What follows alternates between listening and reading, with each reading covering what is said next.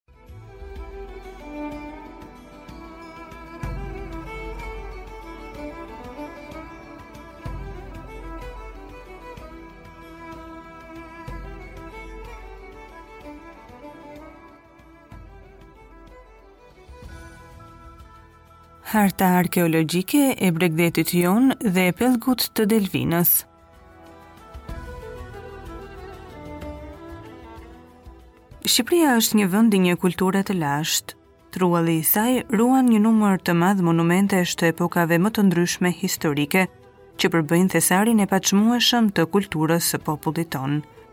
Këto monumente që i ndeshim ende në sipërfaqe në formë rrënojash ose i zbulojmë nga gjiri i tokës, ruajnë në vetvete gjurmët e asaj kohe që i kanë krijuar, por ato kurrë nuk arrijnë deri në ditët tona në gjendjen e tyre të dikurshme. koha, fenomenet atmosferike, lëkundjet sizmike, fenomenet e ndryshme shoqërore dhe sidomos luftrat kanë lënë mbi to gjurmët e tyre. Megjithatë, ashtu të cunguara e të dëmtuara, ato ruajnë vlerën e tyre historike dhe përbëjnë atë material faktik me anën e të cilit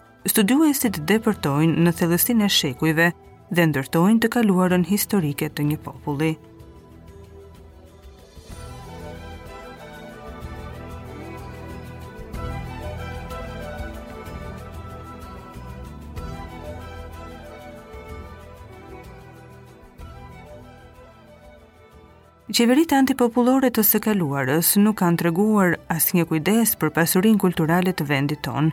Ata e kthyen atë në plaçkë tregu, si çdo gjë tjetër të këtij vendi, duke u hapur kështu rrugën spekulimeve të shëmtuara pseudo-shkencore të studiuesve të huaj që përfaqësonin interesat e vendeve të tyre imperialiste.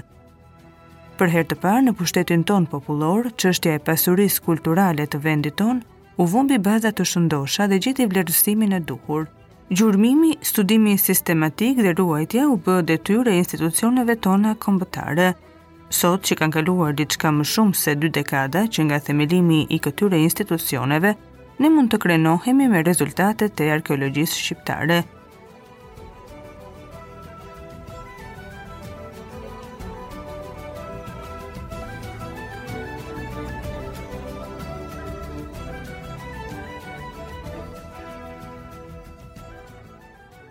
Zbulimi i një numri të madh vendbanimesh e nekropolesh të njohura më parë i kanë zgjeruar shumë njohuritë tona mbi të kaluarën e lavdishme të popullit tonë. Një ndër detyrat që ka shtruar këto vitet e fundit arkeologjia shqiptare është edhe ajo e përpilimit të një harte arkeologjike të vendit.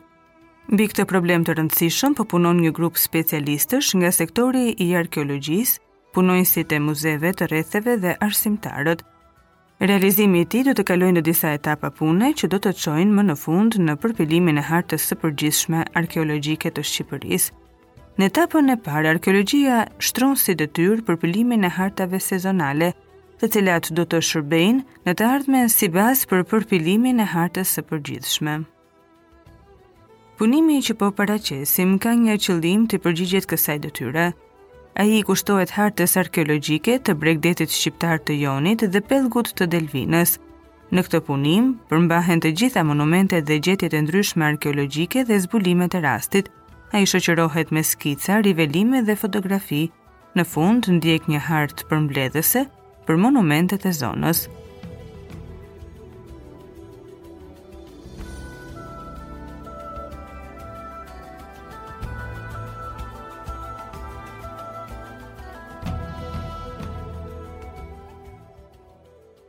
Në paraqitjen e monumenteve të veçanta jemi udhëhequr nga kriteret e mëposhtme. Monumentet janë të grupuara sipas kriterit gjeografik. Si bazë për një grupim të tillë kemi marrë luginat e lumenjve dhe territorin që formon një tërësi gjeografike. Për çdo monument është përcaktuar karakteri i tij, stacioni prehistorik, shpellë, qytezë, nekropol e të tjerë, vendi i gjetjes, zbuluesi dhe mosha e monumentit. Monumentet e botuara janë dhënë me një përshkrim të shkurtër dhe shoqërohen me bibliografinë përkatëse.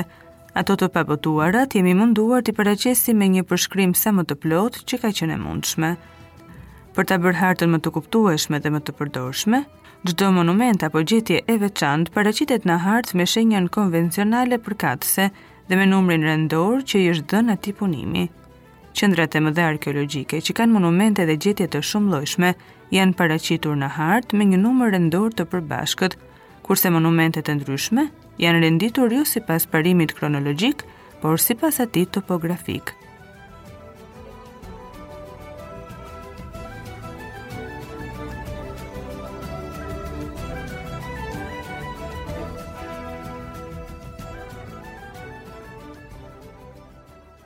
Përshkrimi gjeografik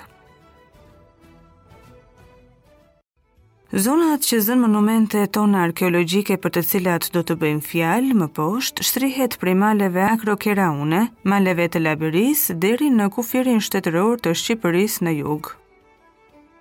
Kufirin lindor të kësaj zone e formojnë Mali i Gjërë, Qafa e Muzinës dhe vargu i maleve në jug të saj deri në Stugarë. Pjesë përbërëse të saj janë krahinat bregdetare, pellgu i Delvinës dhe lugina e lumit Pavllë. E gjithë kjo zonë bën pjesë në Shqipërinë e lartë bregdetare.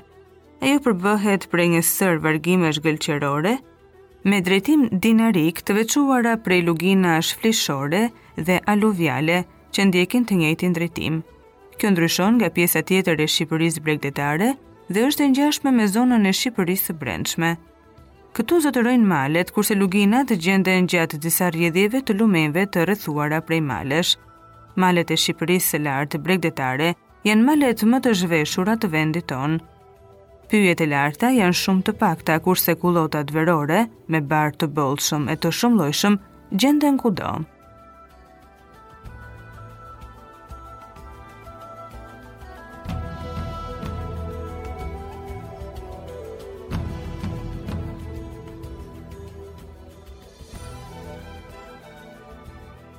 Ndërmjet lumit të vogël të Dukatit dhe detit Jon ngrihen madhështore, Vargmali i Llogarasë në majën më të lartë, atë të Çikës, pastaj vjen lugina e ngushtë e Shën Vasilit, që ndan pjesën verilindore, vargun malor të Sarandës, nga vargu malor i Fterës. Vargu malor i Sarandës shtrihet në pjesën perëndimore gjatë bregut të detit Jon. Në majën e Shëndëllisë, një varg kodrash në gadishullin e Ksamilit, që mbaron në kufi me Butrintin. Në krahun tjetër të Luginës, shtrihet vargu malor i Fterës, i cili vazhdon në drejtim juglindje në majën e Picohës. dhe pastaj vjen duke u ulur deri në fushën e vurgut. Në verilindje të Butrintit shtrihet liqeni i Butrintit, i cili lidhet me detin Jon me anë të një kanali natyral.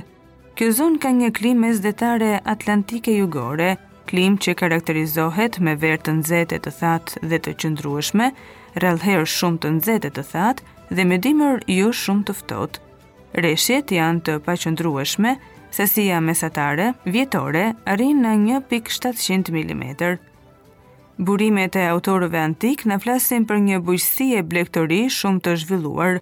Fusha e Kestrinës në kohë të lashtë gëzonte një emër të mirë për bujqësi dhe blektori, Përveç kultivimit të tokës, këtu lulëzonte, sidomos, rritja e gjësë së gjallë, në radhë të parë e dhenve, dhive, kuajve dhe kafshëve të tjera shtëpiake. Të përmendura ishin lopët për qumështin dhe mishin e tyre të bollshëm. Të begatshme ishin edhe tokat e tjera të Kaonisë, si fusha e dropullit, e Vurgut dhe ajo e Delvinës.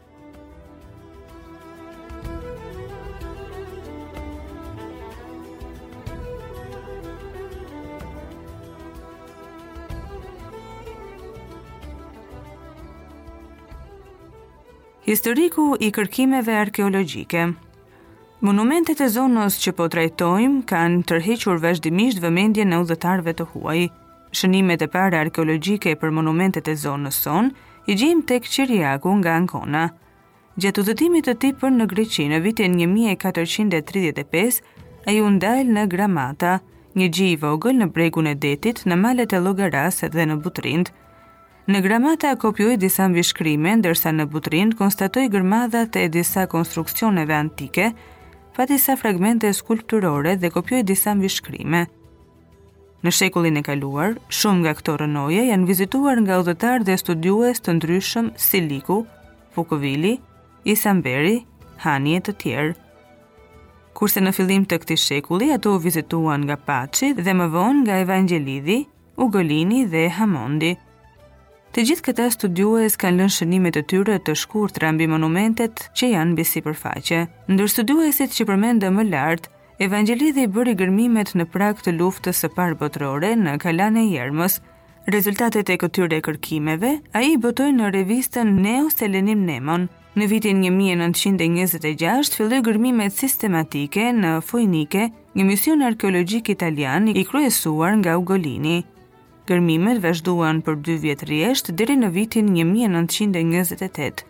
Punimet u përqendruan në sheshin e Akropolit të qytetit, në qytetin e poshtëm dhe në Nekropol. Në përgjithësi, përfundimet e këtyre gërmimeve ishin të mira.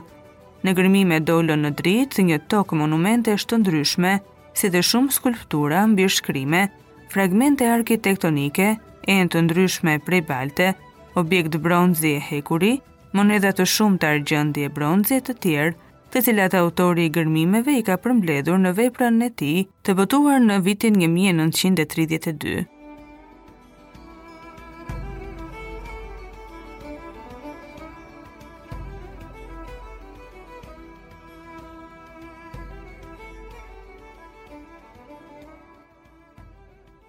Në vitin 1928, misioni italian i transferoi punimet në qytetin antik të Butrintit, Gërmimet këtu vazhduan pa ndërprerje për rreth 13 vjet me radhë, prej vitit 1928 deri në vitin 1940. Në fillim ato udhëhoqën nga Ugolini deri në vitin 1936, më vonë nga Markoni dhe në periudhën e fundit nga Mustili. Gjatë punimeve shumëvjeçare arkeologjike në Butrint u zbuluan gërmadhat e një numri të madh godinash publike e private, skulptura të shumta, si dhe shumë objekte të përdorimit të përditshëm. Këto rezultate herë mbas here janë botuar nga Ugolini në revista të ndryshme arkeologjike dhe më pas në vëllimin e plotë të titulluar L'Acropoli di Butrinto. Përveç gërmimeve në Butrint, misioni arkeologjik italian kreu punime edhe në rrethet e Butrintit, kështu ai ndërmori gërmime në kalanë e Kalivos dhe në çukën e Ajtoit, si dhe në fortesat e Vagalatit dhe të Malathresë, për fatkeqësisht, rezultatet e këtyre gërmimeve me shumë interes, bashkë me dokumentacionin e tyre, u zhdukën në katastrofën ajrore që ndodhi në vitin 1939. Po në këtë vit, i ngarkuar nga misioni arkeologjik italian, Kardini eksploroi shpellën e Shën Marinës, si dhe sipërfaqen e kodrës së fshatit Xarë. Këto gërmime dhanë objekte prehistorike shumë të vlefshme për historinë e vendit tonë. Duhet të theksojmë se këtu në përgjithësi botimet e ndryshme të misionit arkeologjik italian, i përshkon fryma e tendenciozitetit Misioni i kishte vënë vetes si qëllim të zbulonte dhe të ngrinte lart kulturën romake dhe rolin pozitiv që ka luajtur pushtimi romak në vendin tonë, duke mohuar çdo gjë vendase dhe duke kaluar në heshtje rolin që kanë luajtur ilirët në zhvillimin historik të vendit të tyre.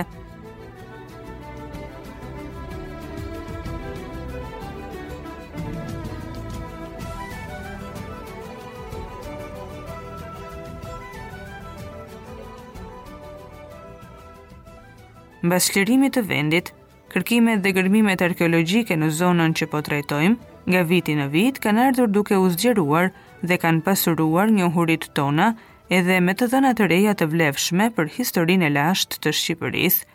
Kështu një vlerë të madhe kanë pasur në periudhën tonë shënimet e nxjerra nga ekspedita informative të përmbledhura në një raport të tyre vjetor, të cilat ruhen në arkivën e sektorit të arkeologjisë. Bregu i detit Jon Bregu shqiptar i detit Jon shtrihet prej Karaburunit deri tek kepi i Stillos në kufirin shtetëror midis Shqipërisë dhe Greqisë. Ky bregdet është shkëmbor dhe vetëm aty këtu janë krijuar të futura në gjire të vegjël, prej të cilave më të rëndësishme janë ato të Sarandës, i Palermos, i Spilesë pranë Himarës. Paralel me të ngrihet nga veriu në jug vargu i maleve të Akrokerauneve në majën e lartë të Çikës dhe malet e tjera të Kurveleshit, të cilat e mbrojnë nga erërat e forta të dimrit. I gjithë ky brez ka një klimë të ëmbël subtropikale dhe një vegjetacion të pasur si në verë ashtu edhe në dimër. Lugina e lumit Bistricë Bistrica është lumi më i madh i këtij rajoni, ai buron nga juglindja e Malit të Gjerë. Burimet janë të tipit karstik, më i madhi prej tyre quhet Syri i Kaltër i Bistricës. Bistrica deri në vendin ku bashkohet me degët e saj, Vrisin, kalon përmes një lugine të ngushtë që mban emrin e Bistricës. Ai ka një rrjedhje nga verilindja në jugperëndim, pastaj merr drejtimin nga lindja në perëndim. Në fillim në rrjedhën e sipërme lumi ka karakterin e një rrjedhjeje malore, por më tej, duke mbledhur edhe degët e tij, Vrisin dhe Kardhiqin, merr pamjen e një lumi të vërtetë. Lumi i Bistricës ashtu sikurse edhe lumi tjetër Kalasa që përshkojnë pellgun e Delvinës, më parë derdhej në liqenin e Butrintit. Këto vitet e fundit të Bistricës dhe Kalasës, Në rrjedhjen e poshtme, u janë çelur shtretër të rinj për të evituar mbytjen e fushave të Vrugut. Si rrjedhojë të dy këta lumenj, derdhen tani në anën e një kanali që kalon përfund fshatit Çukë në detin Jon.